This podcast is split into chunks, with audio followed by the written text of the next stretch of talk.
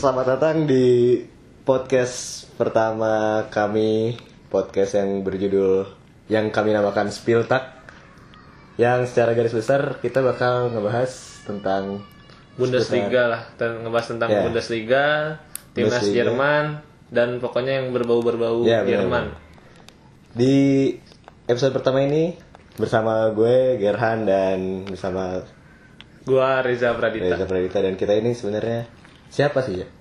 Siapa ya? Sebenarnya kita juga nggak berhak ngomong-ngomongin Jerman-Jerman gini. Ya kita cuma Cuman ya penikmat lah sebenarnya. ya penikmat sepak bola Jerman dalam lima tahun 10 tahun ke belakang lah Iya. mungkin. Apalagi kan Gerhan kan nih sebagai fans Werder Bremen nih, hipster banget. Iya benar benar. Itu harus di di apa ya? Dikasih tahu biar orang tahu bias gue ke mana. Iya benar. Kalau misalnya ntar episode ke depan si Gerhan ngebela Werder Bremen kan berarti udah tahu nih. Iya iya. Nggak Nggak kontroversial usah ada yang nyerang-nyerang gitu jadi. Siapa yang mau nyerang fans Werder Bremen juga? Nah, Langsung aja sih, Langsung paling- aja. Jadi di episode pertama ini kita bakal bahas apa aja? Yang pertama kita bakal ngebahas timnas Jerman setelah era Piala Dunia nih. Setelah era kegagalan bakal kayak gimana ke depannya. Apalagi eh, pemainnya banyak yang pensiun dan ada tiga pemain baru kemarin dipanggil buat UEFA Nations League.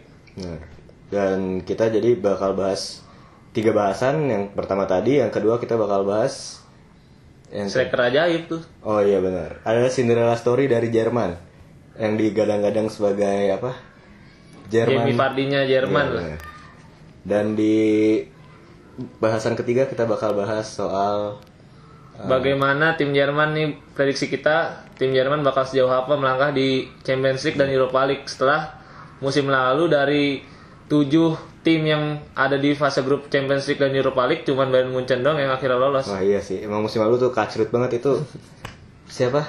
Kon Köln yang akhirnya degradasi di Bundesliga dan emang dari bertahun-tahun ke belakang emang eh, dari tim Jerman ya cuma itu, itu lagi yang datang ya yang datang maksudnya yang melangkah lebih jauh pasti cuma Munchen doang, Munchen doang. Munchen lagi, Munchen lagi. Oke. Di bahasan pertama langsung aja kita masuk se ini berkaitan dengan eh, euforia bisa bilang euforia dari adanya European Nations League UEFA Nations League oh iya nih. UEFA Nations League Ya setelah kegagalan timnas Jerman kemarin kan banyak yang mempertanyakan nih apakah timnas Jerman bakal bisa baik lagi seperti Piala Dunia 2014 apa enggak. Nah, masalahnya kan yang kemarin jadi masalahnya timnas Jerman bukan karena pemainnya jelek kan. Iya Kayak Itali, Belanda kan gagal gara-gara pemainnya emang caur. Kalau misalnya Jerman ini konfederasi aja pakai pemain lapis kedua Juara. bisa juara. Iya. Kenapa Sementara pas pemain pas di World Cup dengan skuad yang bisa bilang lebih teruji daripada di konfederasi malah mainnya lebih hancur daripada yang di tim konfederasi bisa dibilang gitu kan Nah kalau kalau kata gue sih mungkin yang pertama kali harus dibenahi sama pelatih Jerman ini dari internal dulu. Kan setelah kemarin Ozil akhirnya sampai pensiun juga sekarang ada lagi masalah si Leroy Sané itu yang sama Toni Kroos. Iya iya iya. Walaupun emang di Manchester City juga si Pep Guardiola sempat bilang gak senang sama attitude-nya si Iya, Leroy iya. Sané kan. Dan ternyata emang setelah gua baca-baca juga emang ternyata Sane dikritik Toni Kroos juga karena apa? Dia dibilang Body dia tuh language. body language-nya bermasalah, ada masalah dengan body language. pengamat kayaknya Toni Kroos nih pengamat body language nih Eh, dia kalau menangnya gitu-gitu aja, kalahnya gitu aja, jadi kayak orang ogah-ogahan gitu mungkin ya. Kayak nggak ada gairahnya mungkin di sepak bola. Terus kalau dari ini sih kalau menurut gue banyak juga sih posisi-posisi yang emang Jerman nih masih kosong nggak ada penerus-penerusnya lagi kan kayak contohnya back kiri kan si Marvin Plattenhardt sama si Jonas Hector sekarang nggak dipanggil. nggak Yang dipanggil si debutan nih Nico Nico Schulz Hmm. yang katanya pernah nolak Liverpool pas umur 15 tahun. Cuman sekarang baru kepanggil timnas umur 25 tahun. Saking nggak adanya juga berarti kan. Iya, padahal kalau kita lihat dari musim lalu tuh yang gue heran nih Philip Max. Philip Max Nah, musim lalu asis dua digit lah, gue nggak tahu berapa 13 apa 15. Tapi dari dari Piala Dunia kemarin sampai sekarang nggak nggak masuk squad kan dia. Nama nama si Philip Max Philip Max itu malah yang masuk ya Plattenhardt dan Plattenhardt dan siapa World Cup kemarin? si Jonas Hector. ya? Iya Hector. Emang di U21 nya juga hampir jarang gitu kayaknya yang pemain-pemain U21 ini kan kayak dulu pas Jerman bagus-bagusnya back kirinya macam Maximilian Wittek yang kayak gitu-gitu kagak kagak ada yang ada akhirnya yang- nembus ke Bundesliga reguler gitu Iya, kan. ada yang pindah ke tim gede lah bisa dibilang. Terus posisi apa lagi nih Gar kira-kira yang kurang dari Jerman? Kalau kita lihat dari World Cup kemarin tuh emang menyisakan ada lubang gitu di antara Toni Kroos sama Khedira nih udah nggak se apa ya Sejalan. udah nggak seapik waktu World Cup kemarin ya? Iya sih. Dan Khedira nih udah kayak udah lewat lah masanya bisa dibilang gitu walaupun di Juve masih masih main reguler kan Iya dia. main reguler tapi ya supporter Juve juga sebenarnya nggak Iya. terlalu seneng sih dia starter masih masih milih sebenarnya kemarin sempat milih Emre Can banyak yang milih Emre Hmm. Can buat starter tapi sampai sekarang emang Hedira masih starter kalau menurut gue emang bener sih gelandang bertahan yang posisinya Hedira ini harus diganti dan emang belum ada kemarin kan Sebastian Rudi itu yang sempat dicoba Hmm. pas Piala Dunia kan emang belum memuaskan sih kalau menurut lu ada nggak sih Gar? mungkin kalau untuk di pengimbang Toni Kroos yang rada bertahan kayak siapa ya gue cuma kepikiran Emre Can doang sih Emre Can sih sebenarnya Emre Emre Can ya? bisa sih Emre Can ya. Ini manggil Tilo Kehrer ada ininya juga mungkin pengen nyoba di DM kan kita nggak tahu Oh, nih besok iya, benar, hari Senin lawan Peru kan. Siapa Iya, tahu iya, si iya. Tilo Kehrer dicoba di DM kan emang stok back tengahnya juga banyak banget masih masih ada Jonathan Tah, Niklas Sule, Rudiger, Jerome Boateng kan back tengah semua. Mungkin si Kehrer tuh Hmm. Dipanggil buat dicoba di DM tuh. iya benar-benar bisa jadi bisa jadi kalau gue lihat kalau tapi kalau Goretzka kayaknya lebih ke ini ya mungkin lebih Mirip ke mirip kayak Kroos ya. iya enggak sih dia nggak se Nggak se nggak se apa sih. ya nggak se elegan Kroos iya sih. Masih rada masih rada Pecicilan. gerasa gerusuk Lebih pecicilan. Iya, lebih menjelajah gitu dibanding Toni Kroos mungkin eh, kalau di World Cup kemarin juga Goretzka sempat ditaruh di sayap kanan itu yang paling nggak jelas Nah, saking nggak jelasnya Nah itu itu juga Posisi kata kata gue posisi posisi yang bisa jadi kekurangan Jerman juga tuh sekarang si posisi sayap-sayapnya menurut gua nggak ada yang eksplosif. Hmm. Yang eksplosif kan mungkin si Sane, si Draxler lah yang Iya, lebih eksplosif. Cuman kalau mungkin secara Royce? ah Royce Marco Reus masih masuk lah. Cuman kan kalau ke- kemarin tuh banyak kan naruhnya si Werner, si Muller ditaruh di sayap Hmm. kan pernah. Jadi kayak ya mati aja. Kalau misalnya itu udah kebaca, yang Iya, dari lapis keduanya setipe setipe juga nggak kan apalagi pas kemarin Leroy Sané nggak dipanggil kan pas Piala Dunia akhirnya si Werner jadi sayap kiri terus. ada satu nama nih yang sebenarnya gue penasaran kenapa nggak dipanggil itu adalah Sergei Gnabry Bener. kenapa Sergei Gnabry nggak dipanggil bahkan di World Cup juga nggak dia masuk tim bayangan nggak sih? Gnabry tuh di World Nggak. Cup. Nah, bahkan nggak masuk tim bayangan. Padahal Gnabry ini apa ya bisa dibilang udah cukup matang usianya 23 tahun. Lebih tua daripada Sane bahkan. Di musim pertamanya di Werder. Werder yang tim kacrut itu di waktu musim pertama dia, dia musim pertama dia cetak apa ya 10 apa dua digit pokoknya dua digit golnya. Untuk seorang pemain yang main di Werder Bremen dia bukan posisi striker waktu itu di posisi sayap dan di musim keduanya di Hinrundenya dia juga eh Hinrunde apa Runde sih yang kedua? Udah per- per- yang pertama. pokoknya paruh keduanya dia Runde berarti ya. bahkan cedera dan yang dimainin bukan si Gnabry lagi gue lupa siapa ya. pokoknya jadi jadi wingback yang main Malah kan yang pas konfederasi itu yang dimainin si Amin Yonas itu kan. Mm-mm. Amin Yonas kan juga nggak spesial spesial Iya. amat sih kalau dilihat. Nah yang yang gue heran yang gue satu pertanyaan lagi adalah setelah Ozil pensiun itu kira-kira bakal diganti oleh siapa itu? Apakah Kai Havertz bakal mengisi kekosongan itu? Tapi kalau menurut gue terlalu muda sih Havertz. Iya tapi kan Kai Havertz di umur yang muda udah bisa dipanggil nih. Hmm. Per- panggilan perdana kan berarti. iya Nah, berarti emang emang di proyeksiin buat ngeganti posisinya Ozil itu sih. Cuman ya kalau untuk sekarang mungkin belum siap nih. Mungkin kemarin masih yang senior seniornya kan si Goretzka diberi Iya. percayaan di situ. Masih si Royce juga bahkan jadi ditaruh di tengah kan Iya sih. sempat waktu di World Cup. Dan Julian Brand di kiri kanannya si siapa? Muller ya? Muller kalau nggak Werner kan. Hmm. ya kalau emang kau nyari pengganti Ozil susah banget sih Ger. Lu nyari pengganti Ozil tuh 10 tahun sekali kayaknya. Iya, bener. ketemu yang gitu kan. Iya iya. Punya visi bermain kayak Ozil pemain Magic. Oh iya satu lagi sebenarnya. Striker. Ini yang masalah banget menurut gue dari dulu. Di Jerman tuh ada striker. Se- semenjak eranya Semenjak eranya Klose tuh- sama Gomez kan berarti? Iya. Walaupun Gomez kemarin Masih dipanggil. Dipanggil. kan tapi emang udah lewat masa ininya. Udah 33 ya Gomez ya kalau Iya. salah ya. Ya kita lihat juga Werner main di depan kayak apa ya Cie? kayak headless chicken tuh bahasanya. Dia cuma lari-lari doang, nggak apa-ngapain. Cuma lari-lari, buka ruang juga ketutup mulu sih. Mungkin gara-gara emang lawan-lawan Jerman yang pas kemarin tuh eh secara otomatis main parkir bus gara-gara emang Jerman nyerang mulu kan musim Emang- yang kemarin.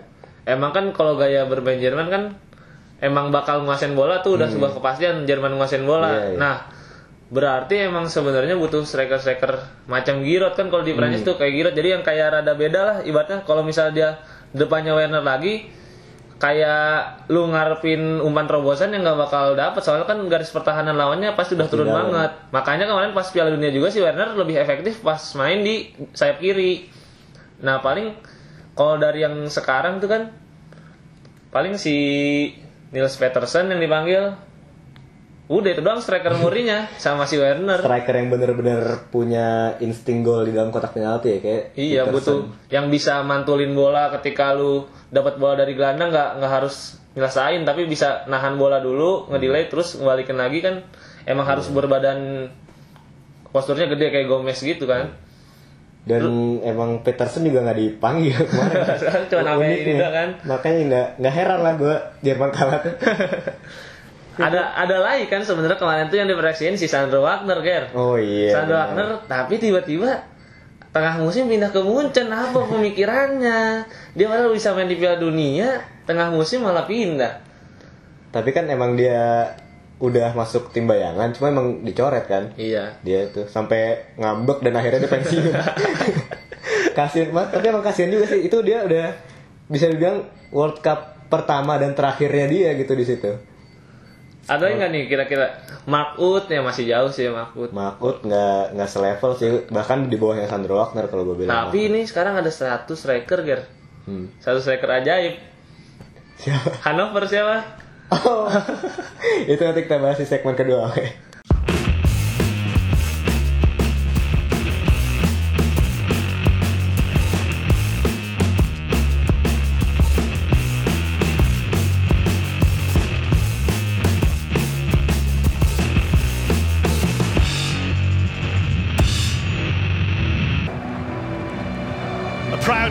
for Hendrik Veydans, who scored 15 goals in the Regionalliga in the last season. Now he makes his Bundesliga debut. Veydans on the move, and he's onside. It's Hendrik Veydans! Extraordinary! It is a fabulous football fairy tale. setelah tadi sempat kita sebut-sebut nama dari Hendrik Weidan yang musim ini menjadi sebuah cerita yang bisa dibilang sensasional ya sih? Jadi sensasi di Bundesliga. Sensasi di Bundesliga. Sayangnya dia main di Bundesliga aja nih. Harus coba kalau dia main di Premier League gitu kan. Iya, bakal kayak ke Fardi Fardian iya. Dia nih apa sih spesialnya dia sebenarnya? Ya Eh, si Hendrik Vedang ini dia udah nyetak tiga gol dari tiga pertandingan kan? Dari tiga pertandingan resmi. Yang pertama itu dia cetak di DFB Pokal lawan Karlsruher ketika dia masuk masuk ah? Karlsruher Oh. masuk menit 80-an nyetak dua gol kan? Ibaratnya 8 menit cetak dua gol. Terus kemudian dia bisa cetak gol lagi pas pertandingan pertama Bundesliga-nya lawan Werder Bremen. Dan dia masuk jadi ini juga kan? Cadangan juga. substitusi juga. Padahal baru masuk babak kedua kan babak kedua dan setelah masuk 75 detik kemudian dia ngegolin. Iya. Bangsat banget emang pemain kayak gini nih. Yang bikin uniknya itu kan emang si Wedang ini bukan direkrut untuk tim Hannover senior tapi direkrut untuk tim cadangannya yang saat ini main di divisi 4 Nah, tapi karena dia pas pramusim bagus nih, pas pramusim dilihat bagus nyetak 11 gol dari 9 pertandingannya Hannover, kemudian dia naik ke tim utama. Nah, secara postur juga kan si Vedang ini 1,95 meter. Emang se- seorang striker yang komplit sih dari kepala maupun dari kakinya cukup baik kalau buat kalau buat di depan. Ya dan emang tipikal ini gak sih tipikal striker Bundesliga banget. Iya, striker-striker yang dirindukan timnas Jerman kan Yang sebenarnya. macam-macam Sandro Wagner, macam Mario Gomez dan emang striker-striker kayak gini emang dari dulu uh, punya karir yang lumayan bagus di Bundesliga kayak ada Vedat Ibisevic, ada Adam Siala yang sampai sekarang masih main. Nah, Dan- terus kenapa nih akhirnya si Wedang ini bisa jadi Cinderella story nih, Ger? dia tuh mulai karir di di kampung ya sebenarnya. Dia tuh bukan pemain profesional, dia Pemain nggak kampung. dia nggak nggak nggak dapet apa ya didikan dari sebuah tim tim yang beneran gitu. Nggak ikut akademi dia awal awal main bola tuh mungkin nggak tahu sih dari belasan mungkin ya, tapi sampai 19 tahun dia masih main di tim Terus Munzel. Grace Munzel dan itu divisi ke-8 di Jerman. Itu kalau di Indonesia udah kayak tim inilah ya. Mana ya? Tim Tarkam lah. Eh, kayak tim Perses Sumedang lah kayaknya Liga 3 gitu kan. tim ini ya apa tuh yang PSKC Cimahi mungkin kan. SKC Cimahi dia sampai 19 tahun di situ tapi setelah itu dia pindah ke tim regional liga divisi keempat di Jerman dan yang uniknya nih di waktu pas di kampung ya dia tuh kampungnya itu populasinya cuma 1000 orang Seribu orang ya. 1000 kan? orang tuh kalau kalau lu mau itu antar warga ya sa- saling kenal itu. Itu kayaknya cuman kalau di Indonesia satu kecamatan Satu kecamatan. kayak lu bikin tim buat Satu kampus lah. buat Agustusan. Satu fakultas itu. Sebagai eh, biar bisa ngebayangin seribu tuh sedi- sedikitnya kayak gimana Universitas Pajajaran aja setiap tahun menerima 8.000 orang. Iya. Berarti kan ini cuma satu fakultas sih bahasa kalau universitas ini. Emang. Dan ini dia kalau lu di sana ngajak main tuh kayak ngajak main. Kalau main bola tuh paling kayak udah. Bu, Hendrik main yuk gitu. Hendrik main ini yuk udah main kumpul. tiba-tiba udah gede jadi pemain Tiba-tiba Bundesliga jadi bener kan. Sekarang umur 23 tahun dia main di Hannover nggak ada yang ini kisah yang sangat apa ya inspiratif sih bisa dibilang dan ya sebenarnya dia pas tahun kemarin di divisi 4 juga kan nggak terlalu mentereng ya walaupun dia konsisten nyetak gol selama tiga musim terakhir konsisten nyetak gol di atas 12 gol kan? 12 13 15 tapi emang nggak terlalu mencolok karena emang levelnya kan emang masih di bawah. Cuman berarti kan ini kepintaran scoutingnya dari Hannover itu sendiri. Akhirnya bisa ngerekrut dia walaupun awalnya emang untuk Hannover yang kedua tapi akhirnya bisa langsung promosi ke tim utama. Dan ini juga dia sebenarnya rada hoki sih pas pas eh, di Hannover 2 kemu- kebetulan itu lagi ditonton sama si coach Hannover 1 dan akhirnya di- diangkat kan diangkut ke Hannover 1 dan uji coba golin mulu. Jadi ya udah makin dipercaya aja dan Iya, dan- akhirnya debut dan kemarin. uji cobanya juga bukan lawan tim-tim remeh kan sempat Iya. ketemu tim kayak Udinese Iya. Ini kalau gue bilang ceritanya eh, apa ya? Ini yang menurut gue yang bakal dijual salah satu hal yang dijual Bundesliga musim ini. Iya sih, mereka bakal bakal seneng kalau punya Jamie Vardy-nya sendiri Iya. kan. Ini kalau si Hendrik ini mainnya di Premier League udah jadi film ini pasti sekarang. Kayaknya Udah lagi casting. Iya, udah banyak yang bikinin kompilasinya di YouTube nih. Iya. Untung aja dia main di Bundesliga kan, jadi nggak dapet sorotan. Kalau menurut sendiri sih kan ada nggak sih pemain-pemain yang kayak macam Hendrik ini kayak Jamie Vardy kan kalau di Premier League? Kalau gua kalau ngomongnya ini, gue ingetnya tuh si Sam Klukas. Sam Klukas yang Sam Klukas. matanya Hull sama Swansea sama. Sekarang di Swansea, Iya, Sw- masih. sekarang, sekarang Swansea. Ini gue baca waktu itu sempet di mana ya, gue lupa profilnya. Dia tuh dulu umur waktu masih muda, umur 19 tahun masih kerja di ini, main bola sambil kerja. Kerjanya di Debenhams, tau gak lu? Apaan tuh? Department store. Jadi kayak sampingan. Dan dia pindah ke Lincoln, dia akhirnya pindah ke Lincoln kan dia tadi main di mana gue lupa. Dia main tadi di Nettleham, nggak tahu itu apaan. Nettleham tuh kalau nggak salah tadi gue cek eh, kayak liga di kota Lincolnnya itu. Akhirnya dia masuk ke Lincoln City, tapi dia di Lincoln cuma semusim dan nggak main sama sekali. Terus akhirnya dia pindah, dia kalau nggak salah ikut akademi apa ya, Glenn Holdell Foundation gitu kalau nggak salah. Akhirnya abis dia ikut itu dia eh, dapet tim di Spanyol. tiba-tiba ke Spanyol Juarez Indu- Industrial tuh main buat buat buruh buat pabrik anjir. Tapi setelah itu dia akhirnya balik ke Inggris, main di Hereford dua musim, main di Mansfield satu musim, akhirnya ke Chesterfield dan dari Chesterfield baru deh dia mulai naiknya nemuin di naiknya di Hull ya Iya, nemuin ritmenya mungkin pas di Ches- Chesterfield umur berapa dia? Pokoknya dia juga telat kan ini ke uh, ngetop. dua dua puluh limaan baru mateng Pas ya. jadi Hull dia baru ngetop ya. Akhirnya pindah ke Swansea. Eh, oh musim ini Stock City dia baru tra- oh baru pindah ke Stock City Iya. ya oh iya bener Kalau lu ada nggak aja pemain yang macam-macam begini nih? ya kan kalau di Liga Inggris sekarang juga banyak temannya si Lukas ini kan si Andy Robertson juga sebelum ke Oh, iya. Hull dari dari Dundee itu dia dari Queens Park itu divisi 4-nya Skotlandia lu dari 2013 masih main di divisi 4 Skotlandia 2018 sudah main final Liga Champion eh, cuma lima tahun Udah jadi kapten malah Iya, sekarang. ya? kapten Skotlandia ya kan. Cuma dalam 4 ngeri. tahun gitu kan. Ya tapi emang sampah Skotlandia sih pemain-pemainnya. Iya, iya. Terus kan Udah ada nggak ikut, World Cup nggak ikut. ada kayak di Liga Inggris ada kayak si Char- Charlie Iya. Austin yang dulu main di Kinbury Rangers tim apaan ya kan? Hungerford Town anjing Tacham Town.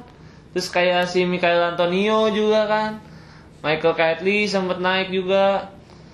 Chris Smalling juga Chris Smalling juga sempat main di non league sebelum ke Fulham senior kan. Hmm. Tapi gue ada satu cerita yang kayak lu bener-bener eh lu jangan nyerah ngejar cita-cita lu tuh ada si Connor O'Keefe Connor O'Keefe gitu dia tuh eh cuman mahasiswa dari Inggris ke Spanyol cuman dia tinggal di Madrid terus dia nyoba ngelamar ke setiap tim yang dekat sama kampus dia.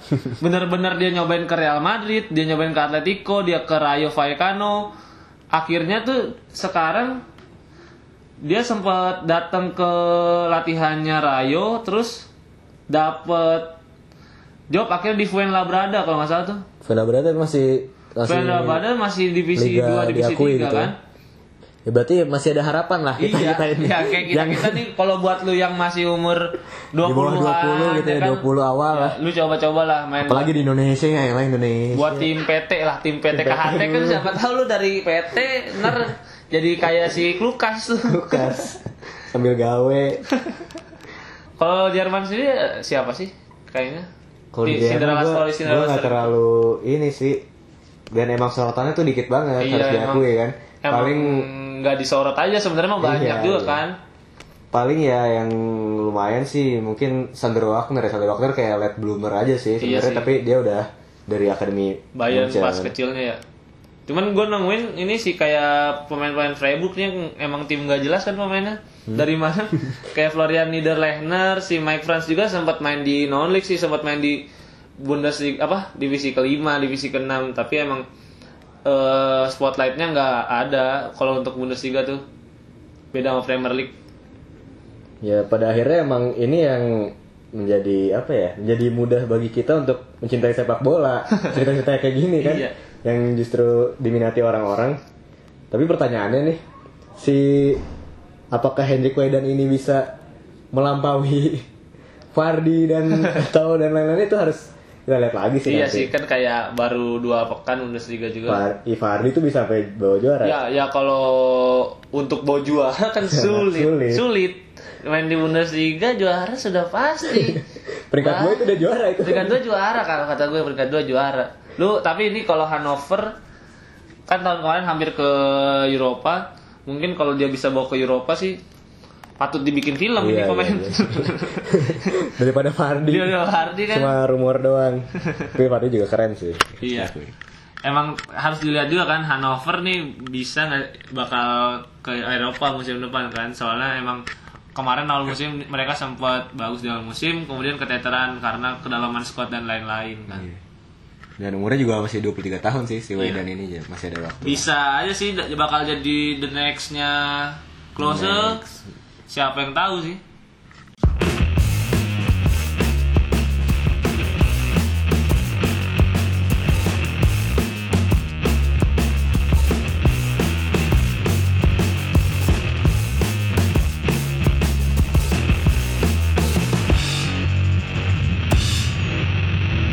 sekitar satu minggu lagi Champions League bakal dimulai nih ya.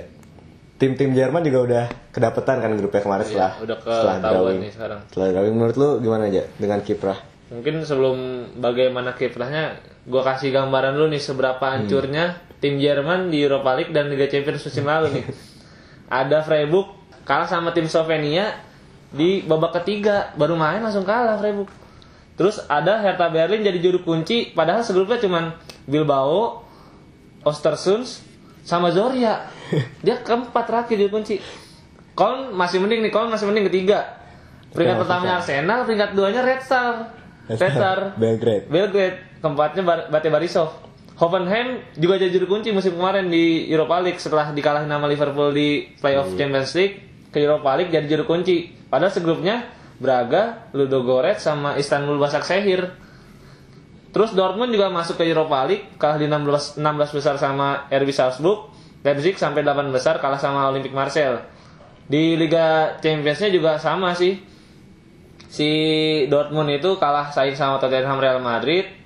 Peringkat 3 di atasnya Apoel. Terus RB Leipzig masuk grup yang katanya neraka kan musim kemarin. Siapa aja? Besiktas, Porto sama Monaco. Dia peringkat 3 di atasnya Monaco tapi Neraka apa itu? Neraka. enak itu. neraka paling Bukan atas. neraka- Nerakanya neraka yang paling atas Neraka tapi paling kan atas, bukan bukan bukan neraka- neraka yang lu paling Jahanam. bawah, bukan neraka jahanam, Bukan neraka neraka, neraka paling atas.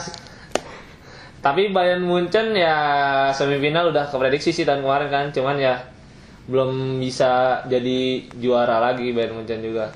Dan emang dari dulu ya muncen-muncen doang yang yang melenggang lebih Jauh. jauh daripada tim-tim lain kan. Kan paling terakhir itu yang ramenya Jerman itu yang pas Bayern Munchen sama Dortmund ke final. final. Belum ada lagi sih, susah. Kalau sekarang kalau ngeliat. Paling musim ini nih Ger gimana Ger? Dari Europa League Champions League dulu nih. Kita bahas dari Europa- Europa League dulu Europa League ya. Bayer Leverkusen nih. Bayer Leverkusen masuk grup A sama Ludogorets, Zurich sama AEK Larnaca. Ini mah harusnya dia ya tinggal jalan lah, jalan Mulus ya. jalan mulus. Harusnya mulus. Usah haru- usah harusnya kan gitu. harusnya. Harusnya.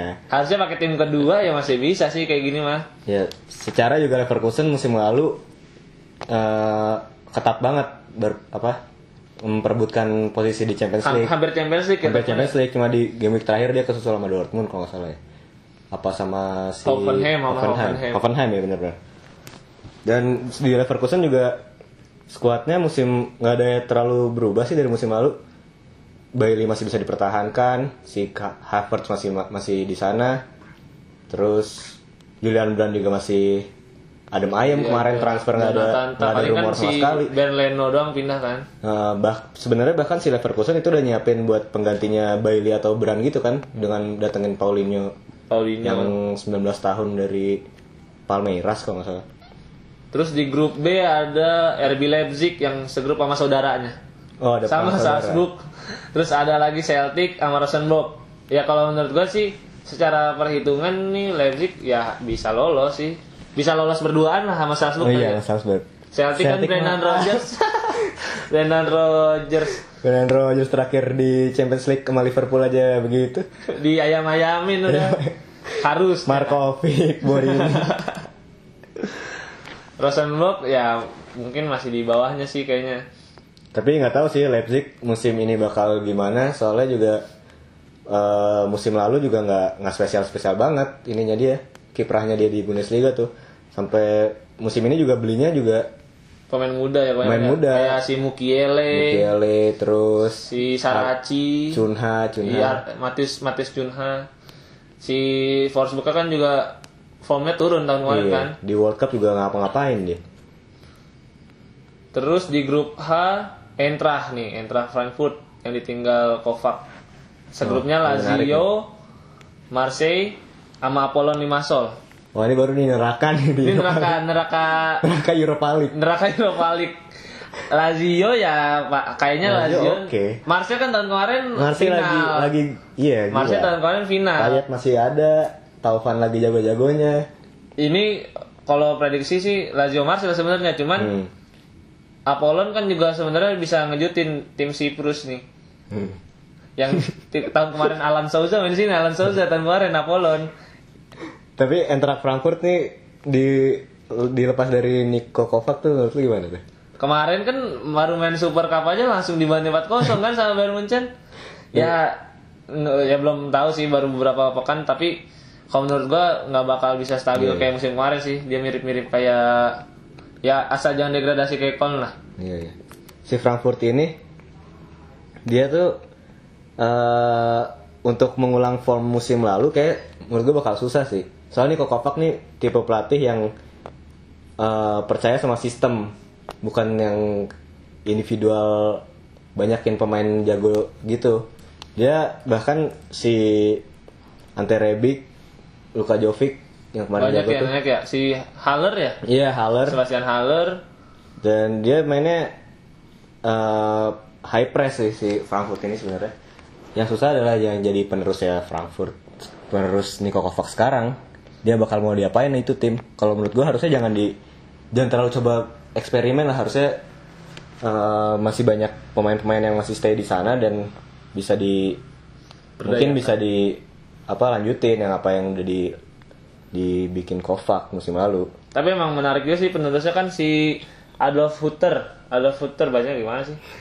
Dia eh, sempat di RB Salzburg di BSC Young Boys 3 tahun musim kemarin juara Young Boys di Liga di Liga Swiss. Swiss. Matahin hegemoninya si FC Basel. Hmm, Ya mungkin eh, tipikal pelatih yang juga kayaknya sih cocok bisa main sama pemain muda dan emang ngebangun tim tipikalnya kan. iya. Terus sekarang kita ke Champions League Grup D. Oh iya, udah semua ya tadi Europa League. Udah Europa League udah semuanya. Grup D Schalke segrup sama Porto, Galatasaray, dari pot satunya Lokomotif Mos- Moskow. Ah, ini mas, ini sih harusnya eh, Ini neraka apa- paling atas nih sama kayak sama kayak tahun kemarin si RB Leipzig ya. Iya iya, ini gampang bukan gampang ya, apa ya? Setara semua menurut gue sih. Porto, Galatasaray, Lokomotif Moskow, Schalke.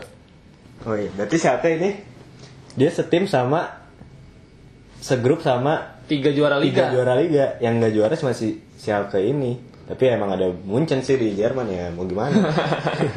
Peringkat dua kan Schalke tuh iya, lalu. Iya, hitungannya juara lah. Juara setelah Munchen mereka. juara. Lu kalau bisa peringkat dua di Bundesliga udah hitungannya juara, nggak apa-apa. Pertamanya Munchen tuh udah pasti tiap tahun kan. Iya benar benar benar benar benar.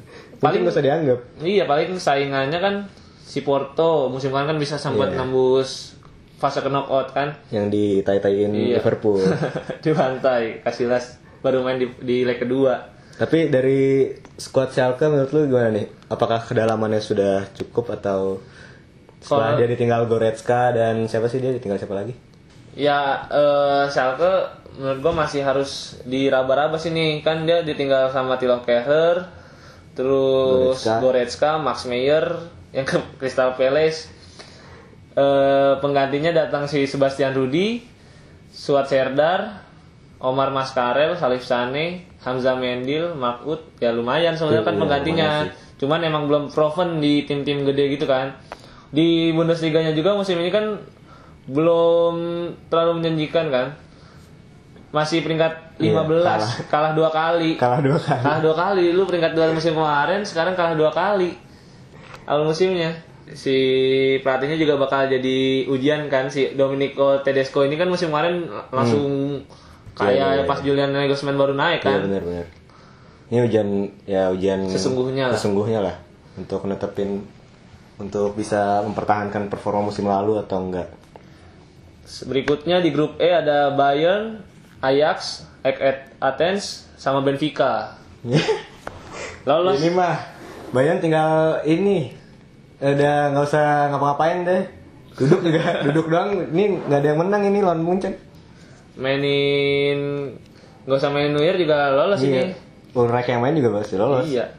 Ajax kan kayak lu tahu Belanda lagi parah. Si Ajax ini tapi menarik nih Ajax ini juara tahun kemarin. Juara apa mu, ngalahin hegemoninya Olympiakos juga. Benfica ya Ya, emang emang mengecewakan terus tapi Benfica ini salah satu tim yang mengecewakan terus di Eropa kan yang katanya kena kutukan gagal di final berkali-kali Benfica kayak tahun kemarin kan juga nggak lolos grup susah sih ini Bayern kalau kata gue Bayern sama Dengan- AEK kali biar seru ya Ba- Tim Yunani. iya sih, gue pengennya Ajax tapi kayaknya Ajax kali ya. enggak enggak Benfica kalau kata gue. Kalau kata gue Ajax sih Ajax kata gue si Ajaxnya lebih stabil lah musim ini kan si Blin balik, datang Dusan Tadic, mungkin bisa lah bikin Munchen cuman ngebobolin tiga gitu. tapi sebenarnya eh Munchen ini musim ini rada-rada aneh sih menurut gue. Kenapa tuh? Dia nggak beli siapa-siapa, bener-bener literally nggak siapa-siapa. Eh beli beli beli satu. Literally nothing. Literally nothing. Which is not nggak bayaran banget lah, tapi dia beli Alfonso Davis cuma itu doang yang dia beli bener-bener Iya itu. 10 juta. Alphonso Sisanya Davies gratisan tuh. semua. Si Alfonso Davis kan nggak akan masuk masuk tim utama baru 17 Iya, tahun. nggak boleh. Dia juga baru datang Januari. Januari ya, mirip kayak si Joe Sargent kan Iya, kisahnya Sargent. dari Liga Amerika, cuman bedanya sama Joe Sargent Dia si Alfonso Davis ini Kanada dia tapi pas 16 tahun udah masuk timnas Kanada sampai sekarang reguler sih ceritanya juga cukup menarik tapi untuk kedalaman ya Munchen harusnya bisa sih untuk lawan tim-timnya gini-gini doang. iya datangin kan emang bener kan sekarang datanginnya pemain-pemain gratis Goretzka Renato Sanchez balik, Gnabry Iya. balik. grup F ada Hoffenheim ini Hoffenheim pasti bakal dapat grupnya susah karena ada di pot 4 kan Hmm. dia segrup sama Manchester City Olympic Lyon sama Shakhtar Donetsk ini nerakanya neraka lumayan neraka ya. Main neraka. Kalau City sih kata gue otomatis lah. Otomatis. Kalau ngeliat Pep mainnya parah sih. Skuadnya juga nggak usah ditanya lagi lah. Dia punya Sterling pelapis Mahrez. Soalnya pelapis Bernardo Bernardo Silva. kan anjing. Iya. Aguero Gabriel Jesus. Iya. Gundogan Silva. Iya. Paling cadangannya Silva. Eh cadangannya Gundogan Fabian Del. Sama bek kiri Zinchenko. Zinchenko dari dari dari gelandang serang jadi bek kiri. Paling saingannya kan berarti sama Olympic Lyon sama Shakhtar Iya, Donetsk. Nih, bisa perebutan ya? juara dua aja ini Iya, mas sebenarnya. Perebutan juara dua. Ya Hoffenheim tapi yang bikin Hoffenheim susah ketebak tuh faktor Nagelsmann ya sebenarnya kalau menurut gue. Dia bahkan musim ini kan baru dua game kemarin juga mainnya udah bagus kalau menurut gue dengan ke- kehilangan Sandro Wagner dia nggak beli penggantinya tetap mainin Adam Shalai coba yang udah umur 31 tahun tapi Ditinggalin sama Mark Uth juga kan. Nakut juga ditinggalin. Eh, paling kan pesaingnya tuh Olympic Lyon kan Lyon juga nggak nggak ini juga nggak apa nggak stabil sih kan Iya. di liganya juga belum dapat performa kayak musim kemarin Mariano Diaz ke Real Madrid, si Nabil Fekir kan di palanya udah Liverpool sebenarnya Nabil Fekir Iya, Saingannya- ngambek dia kan. berarti saingannya si Shakhtar kan Shakhtar emang punya sejarah di Champions League beberapa musim sempat ngejutin lolos ke fase knockout mungkin bisa kalau bisa ngalahin Shakhtar gue rasa Hoffenheim bisa lolos sih kalau prediksi secara ke- keseluruhan gimana nih Gar? tim Jerman bakal ngecewain lagi atau bakal bisa Eh Dortmund belum bahas anjir.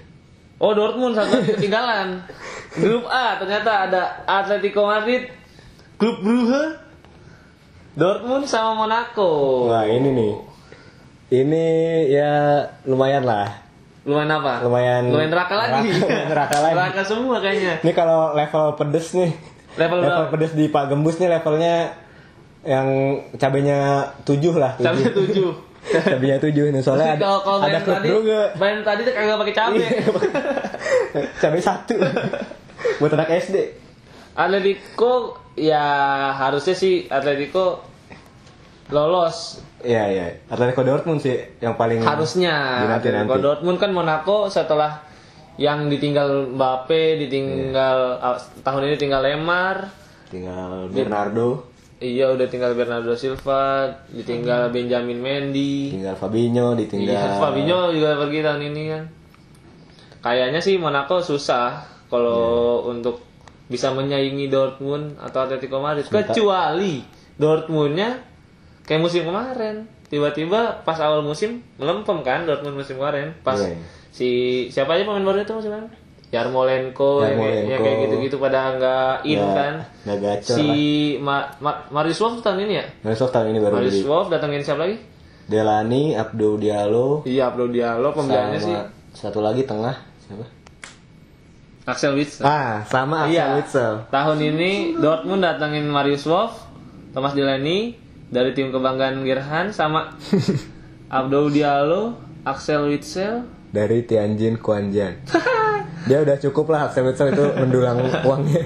Sekarang beneran main bola lagi iya, ya? Sekarang saatnya main Tapi bola mi- lagi. minjem Achraf Hakimi sama Francisco Alcacer Paco dari Alcacer. iya dari Barcelona. Sama ada Erik Oslagel dari Werder Bremen juga emang di Werder Bremen bener kan?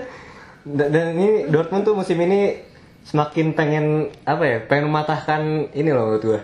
Jargon semua akan main pada waktunya. Soalnya dia katanya belinya tuh Mainz, Bremen, Frankfurt. Iya. Dibeli semua. Sekarang berarti semua akan Bayern kalau tidak Dortmund pada waktunya.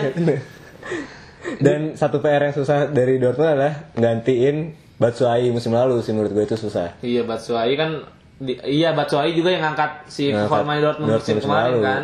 Dan Paco Alcacer gue nggak tahu sih di Barca dia mainnya gimana. Di Barca caur sih parah. Dia ya? dia sampai bikin Delufu balik coba. Berarti kan ini parah banget. Pemain kayak Delufu bisa balik ke Barca. Delofu yang sekarang di Watford nggak main bahkan kalah sama Marcus. Ya Marcus. Willius. Sama Vinicius. Willius. Vinicius gelandang jadi sayap di Watford loh. Dia di- juga udah Dortmund juga bisa ngebuang yang pemain-pemain sampahnya kan musim Iya, kemarin iya. kayak Gonzalo Castro tuh parah banget musim kemarin. Dan Si Socrates. Socrates, Socrates dibuang. dibuang Dortmund dan fans Arsenal seneng. Gue heran. itu aneh banget, itu aneh banget. Socrates musim kemarin parah. Kacrut, Datang Arsenal. Arsenal seneng. Dan sekarang lihat sendiri tuh gimana. Iya Socrates lu, sama Mustafi lu di Socrates musim ini lu kayak beli Mavropanos tahun kemarin sama Mavropanos sama Socrates tuh. Iya iya. Yarmolenko juga udah kebuang kan sama Iya. pemain yang beberapa tahun lalu sempat Masuk. masuk, Piala World Dunia Erik Dum Eric Dum dibuang ke, dan ke gantinya Huddersfield. Hak- Hakimi sama Hakimi sama, sama siapa tadi bek kanan? Marius Dia- Wolf. Marius Wolf. sih. Ya Dortmund bisa lah menurut gue jadi runner up. Kalau menurut gue masih tetap Atletico Madrid. Atletico ya tetap mapan sih Atletico. Klub Brugge Klub bro. itu cabenya satu. cabenya satu Klub Brugge. Tapi ya gua akui jempol sih nih Klub Brugge eh, dua tahun terakhir juara. Biasa kan Oh, si iya. Anderlecht. Anderlecht. Ya nggak tahu sih Iya. gue gimana. Tapi ya dari di atas kertas lah ya. Di atas Klub kertas. Brugge ya mohon maaf aja mungkin ada yang fans klub Brugge ya. Mungkin tersindir. Mungkin tersindir kan nanti ngerinya malah mencak-mencak kan di Instagram. Iya iya iya. Ya buat fans klub Brugge ya lu doain aja tim lu masuk Europa League. Iya iya. Siapa tahu peringkat tiga tuh udah bersyukur tuh. Iya syukur lah.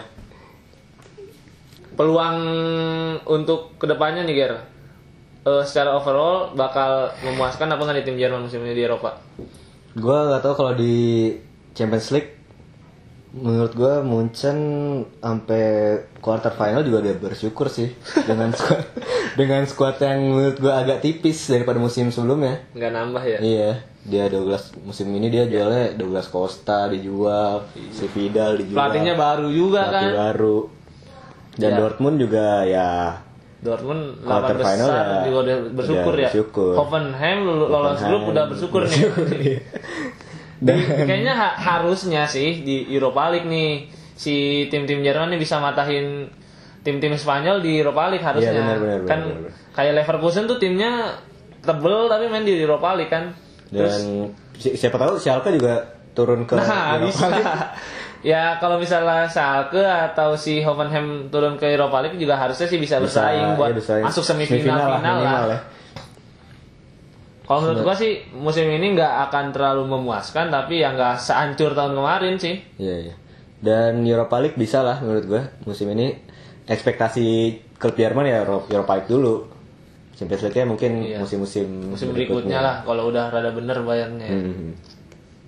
Udah kali ya itu aja kayaknya bahasan Iya. kita hari ini. Eh, iya episode Di ini. Spieltag ronde pertama Iya. cukup itu aja mungkin eh yang kita bahas cukup tiga itu mungkin Di Episode berikutnya. mungkin kita gue bakal bahas tim-tim sih gue tertarik.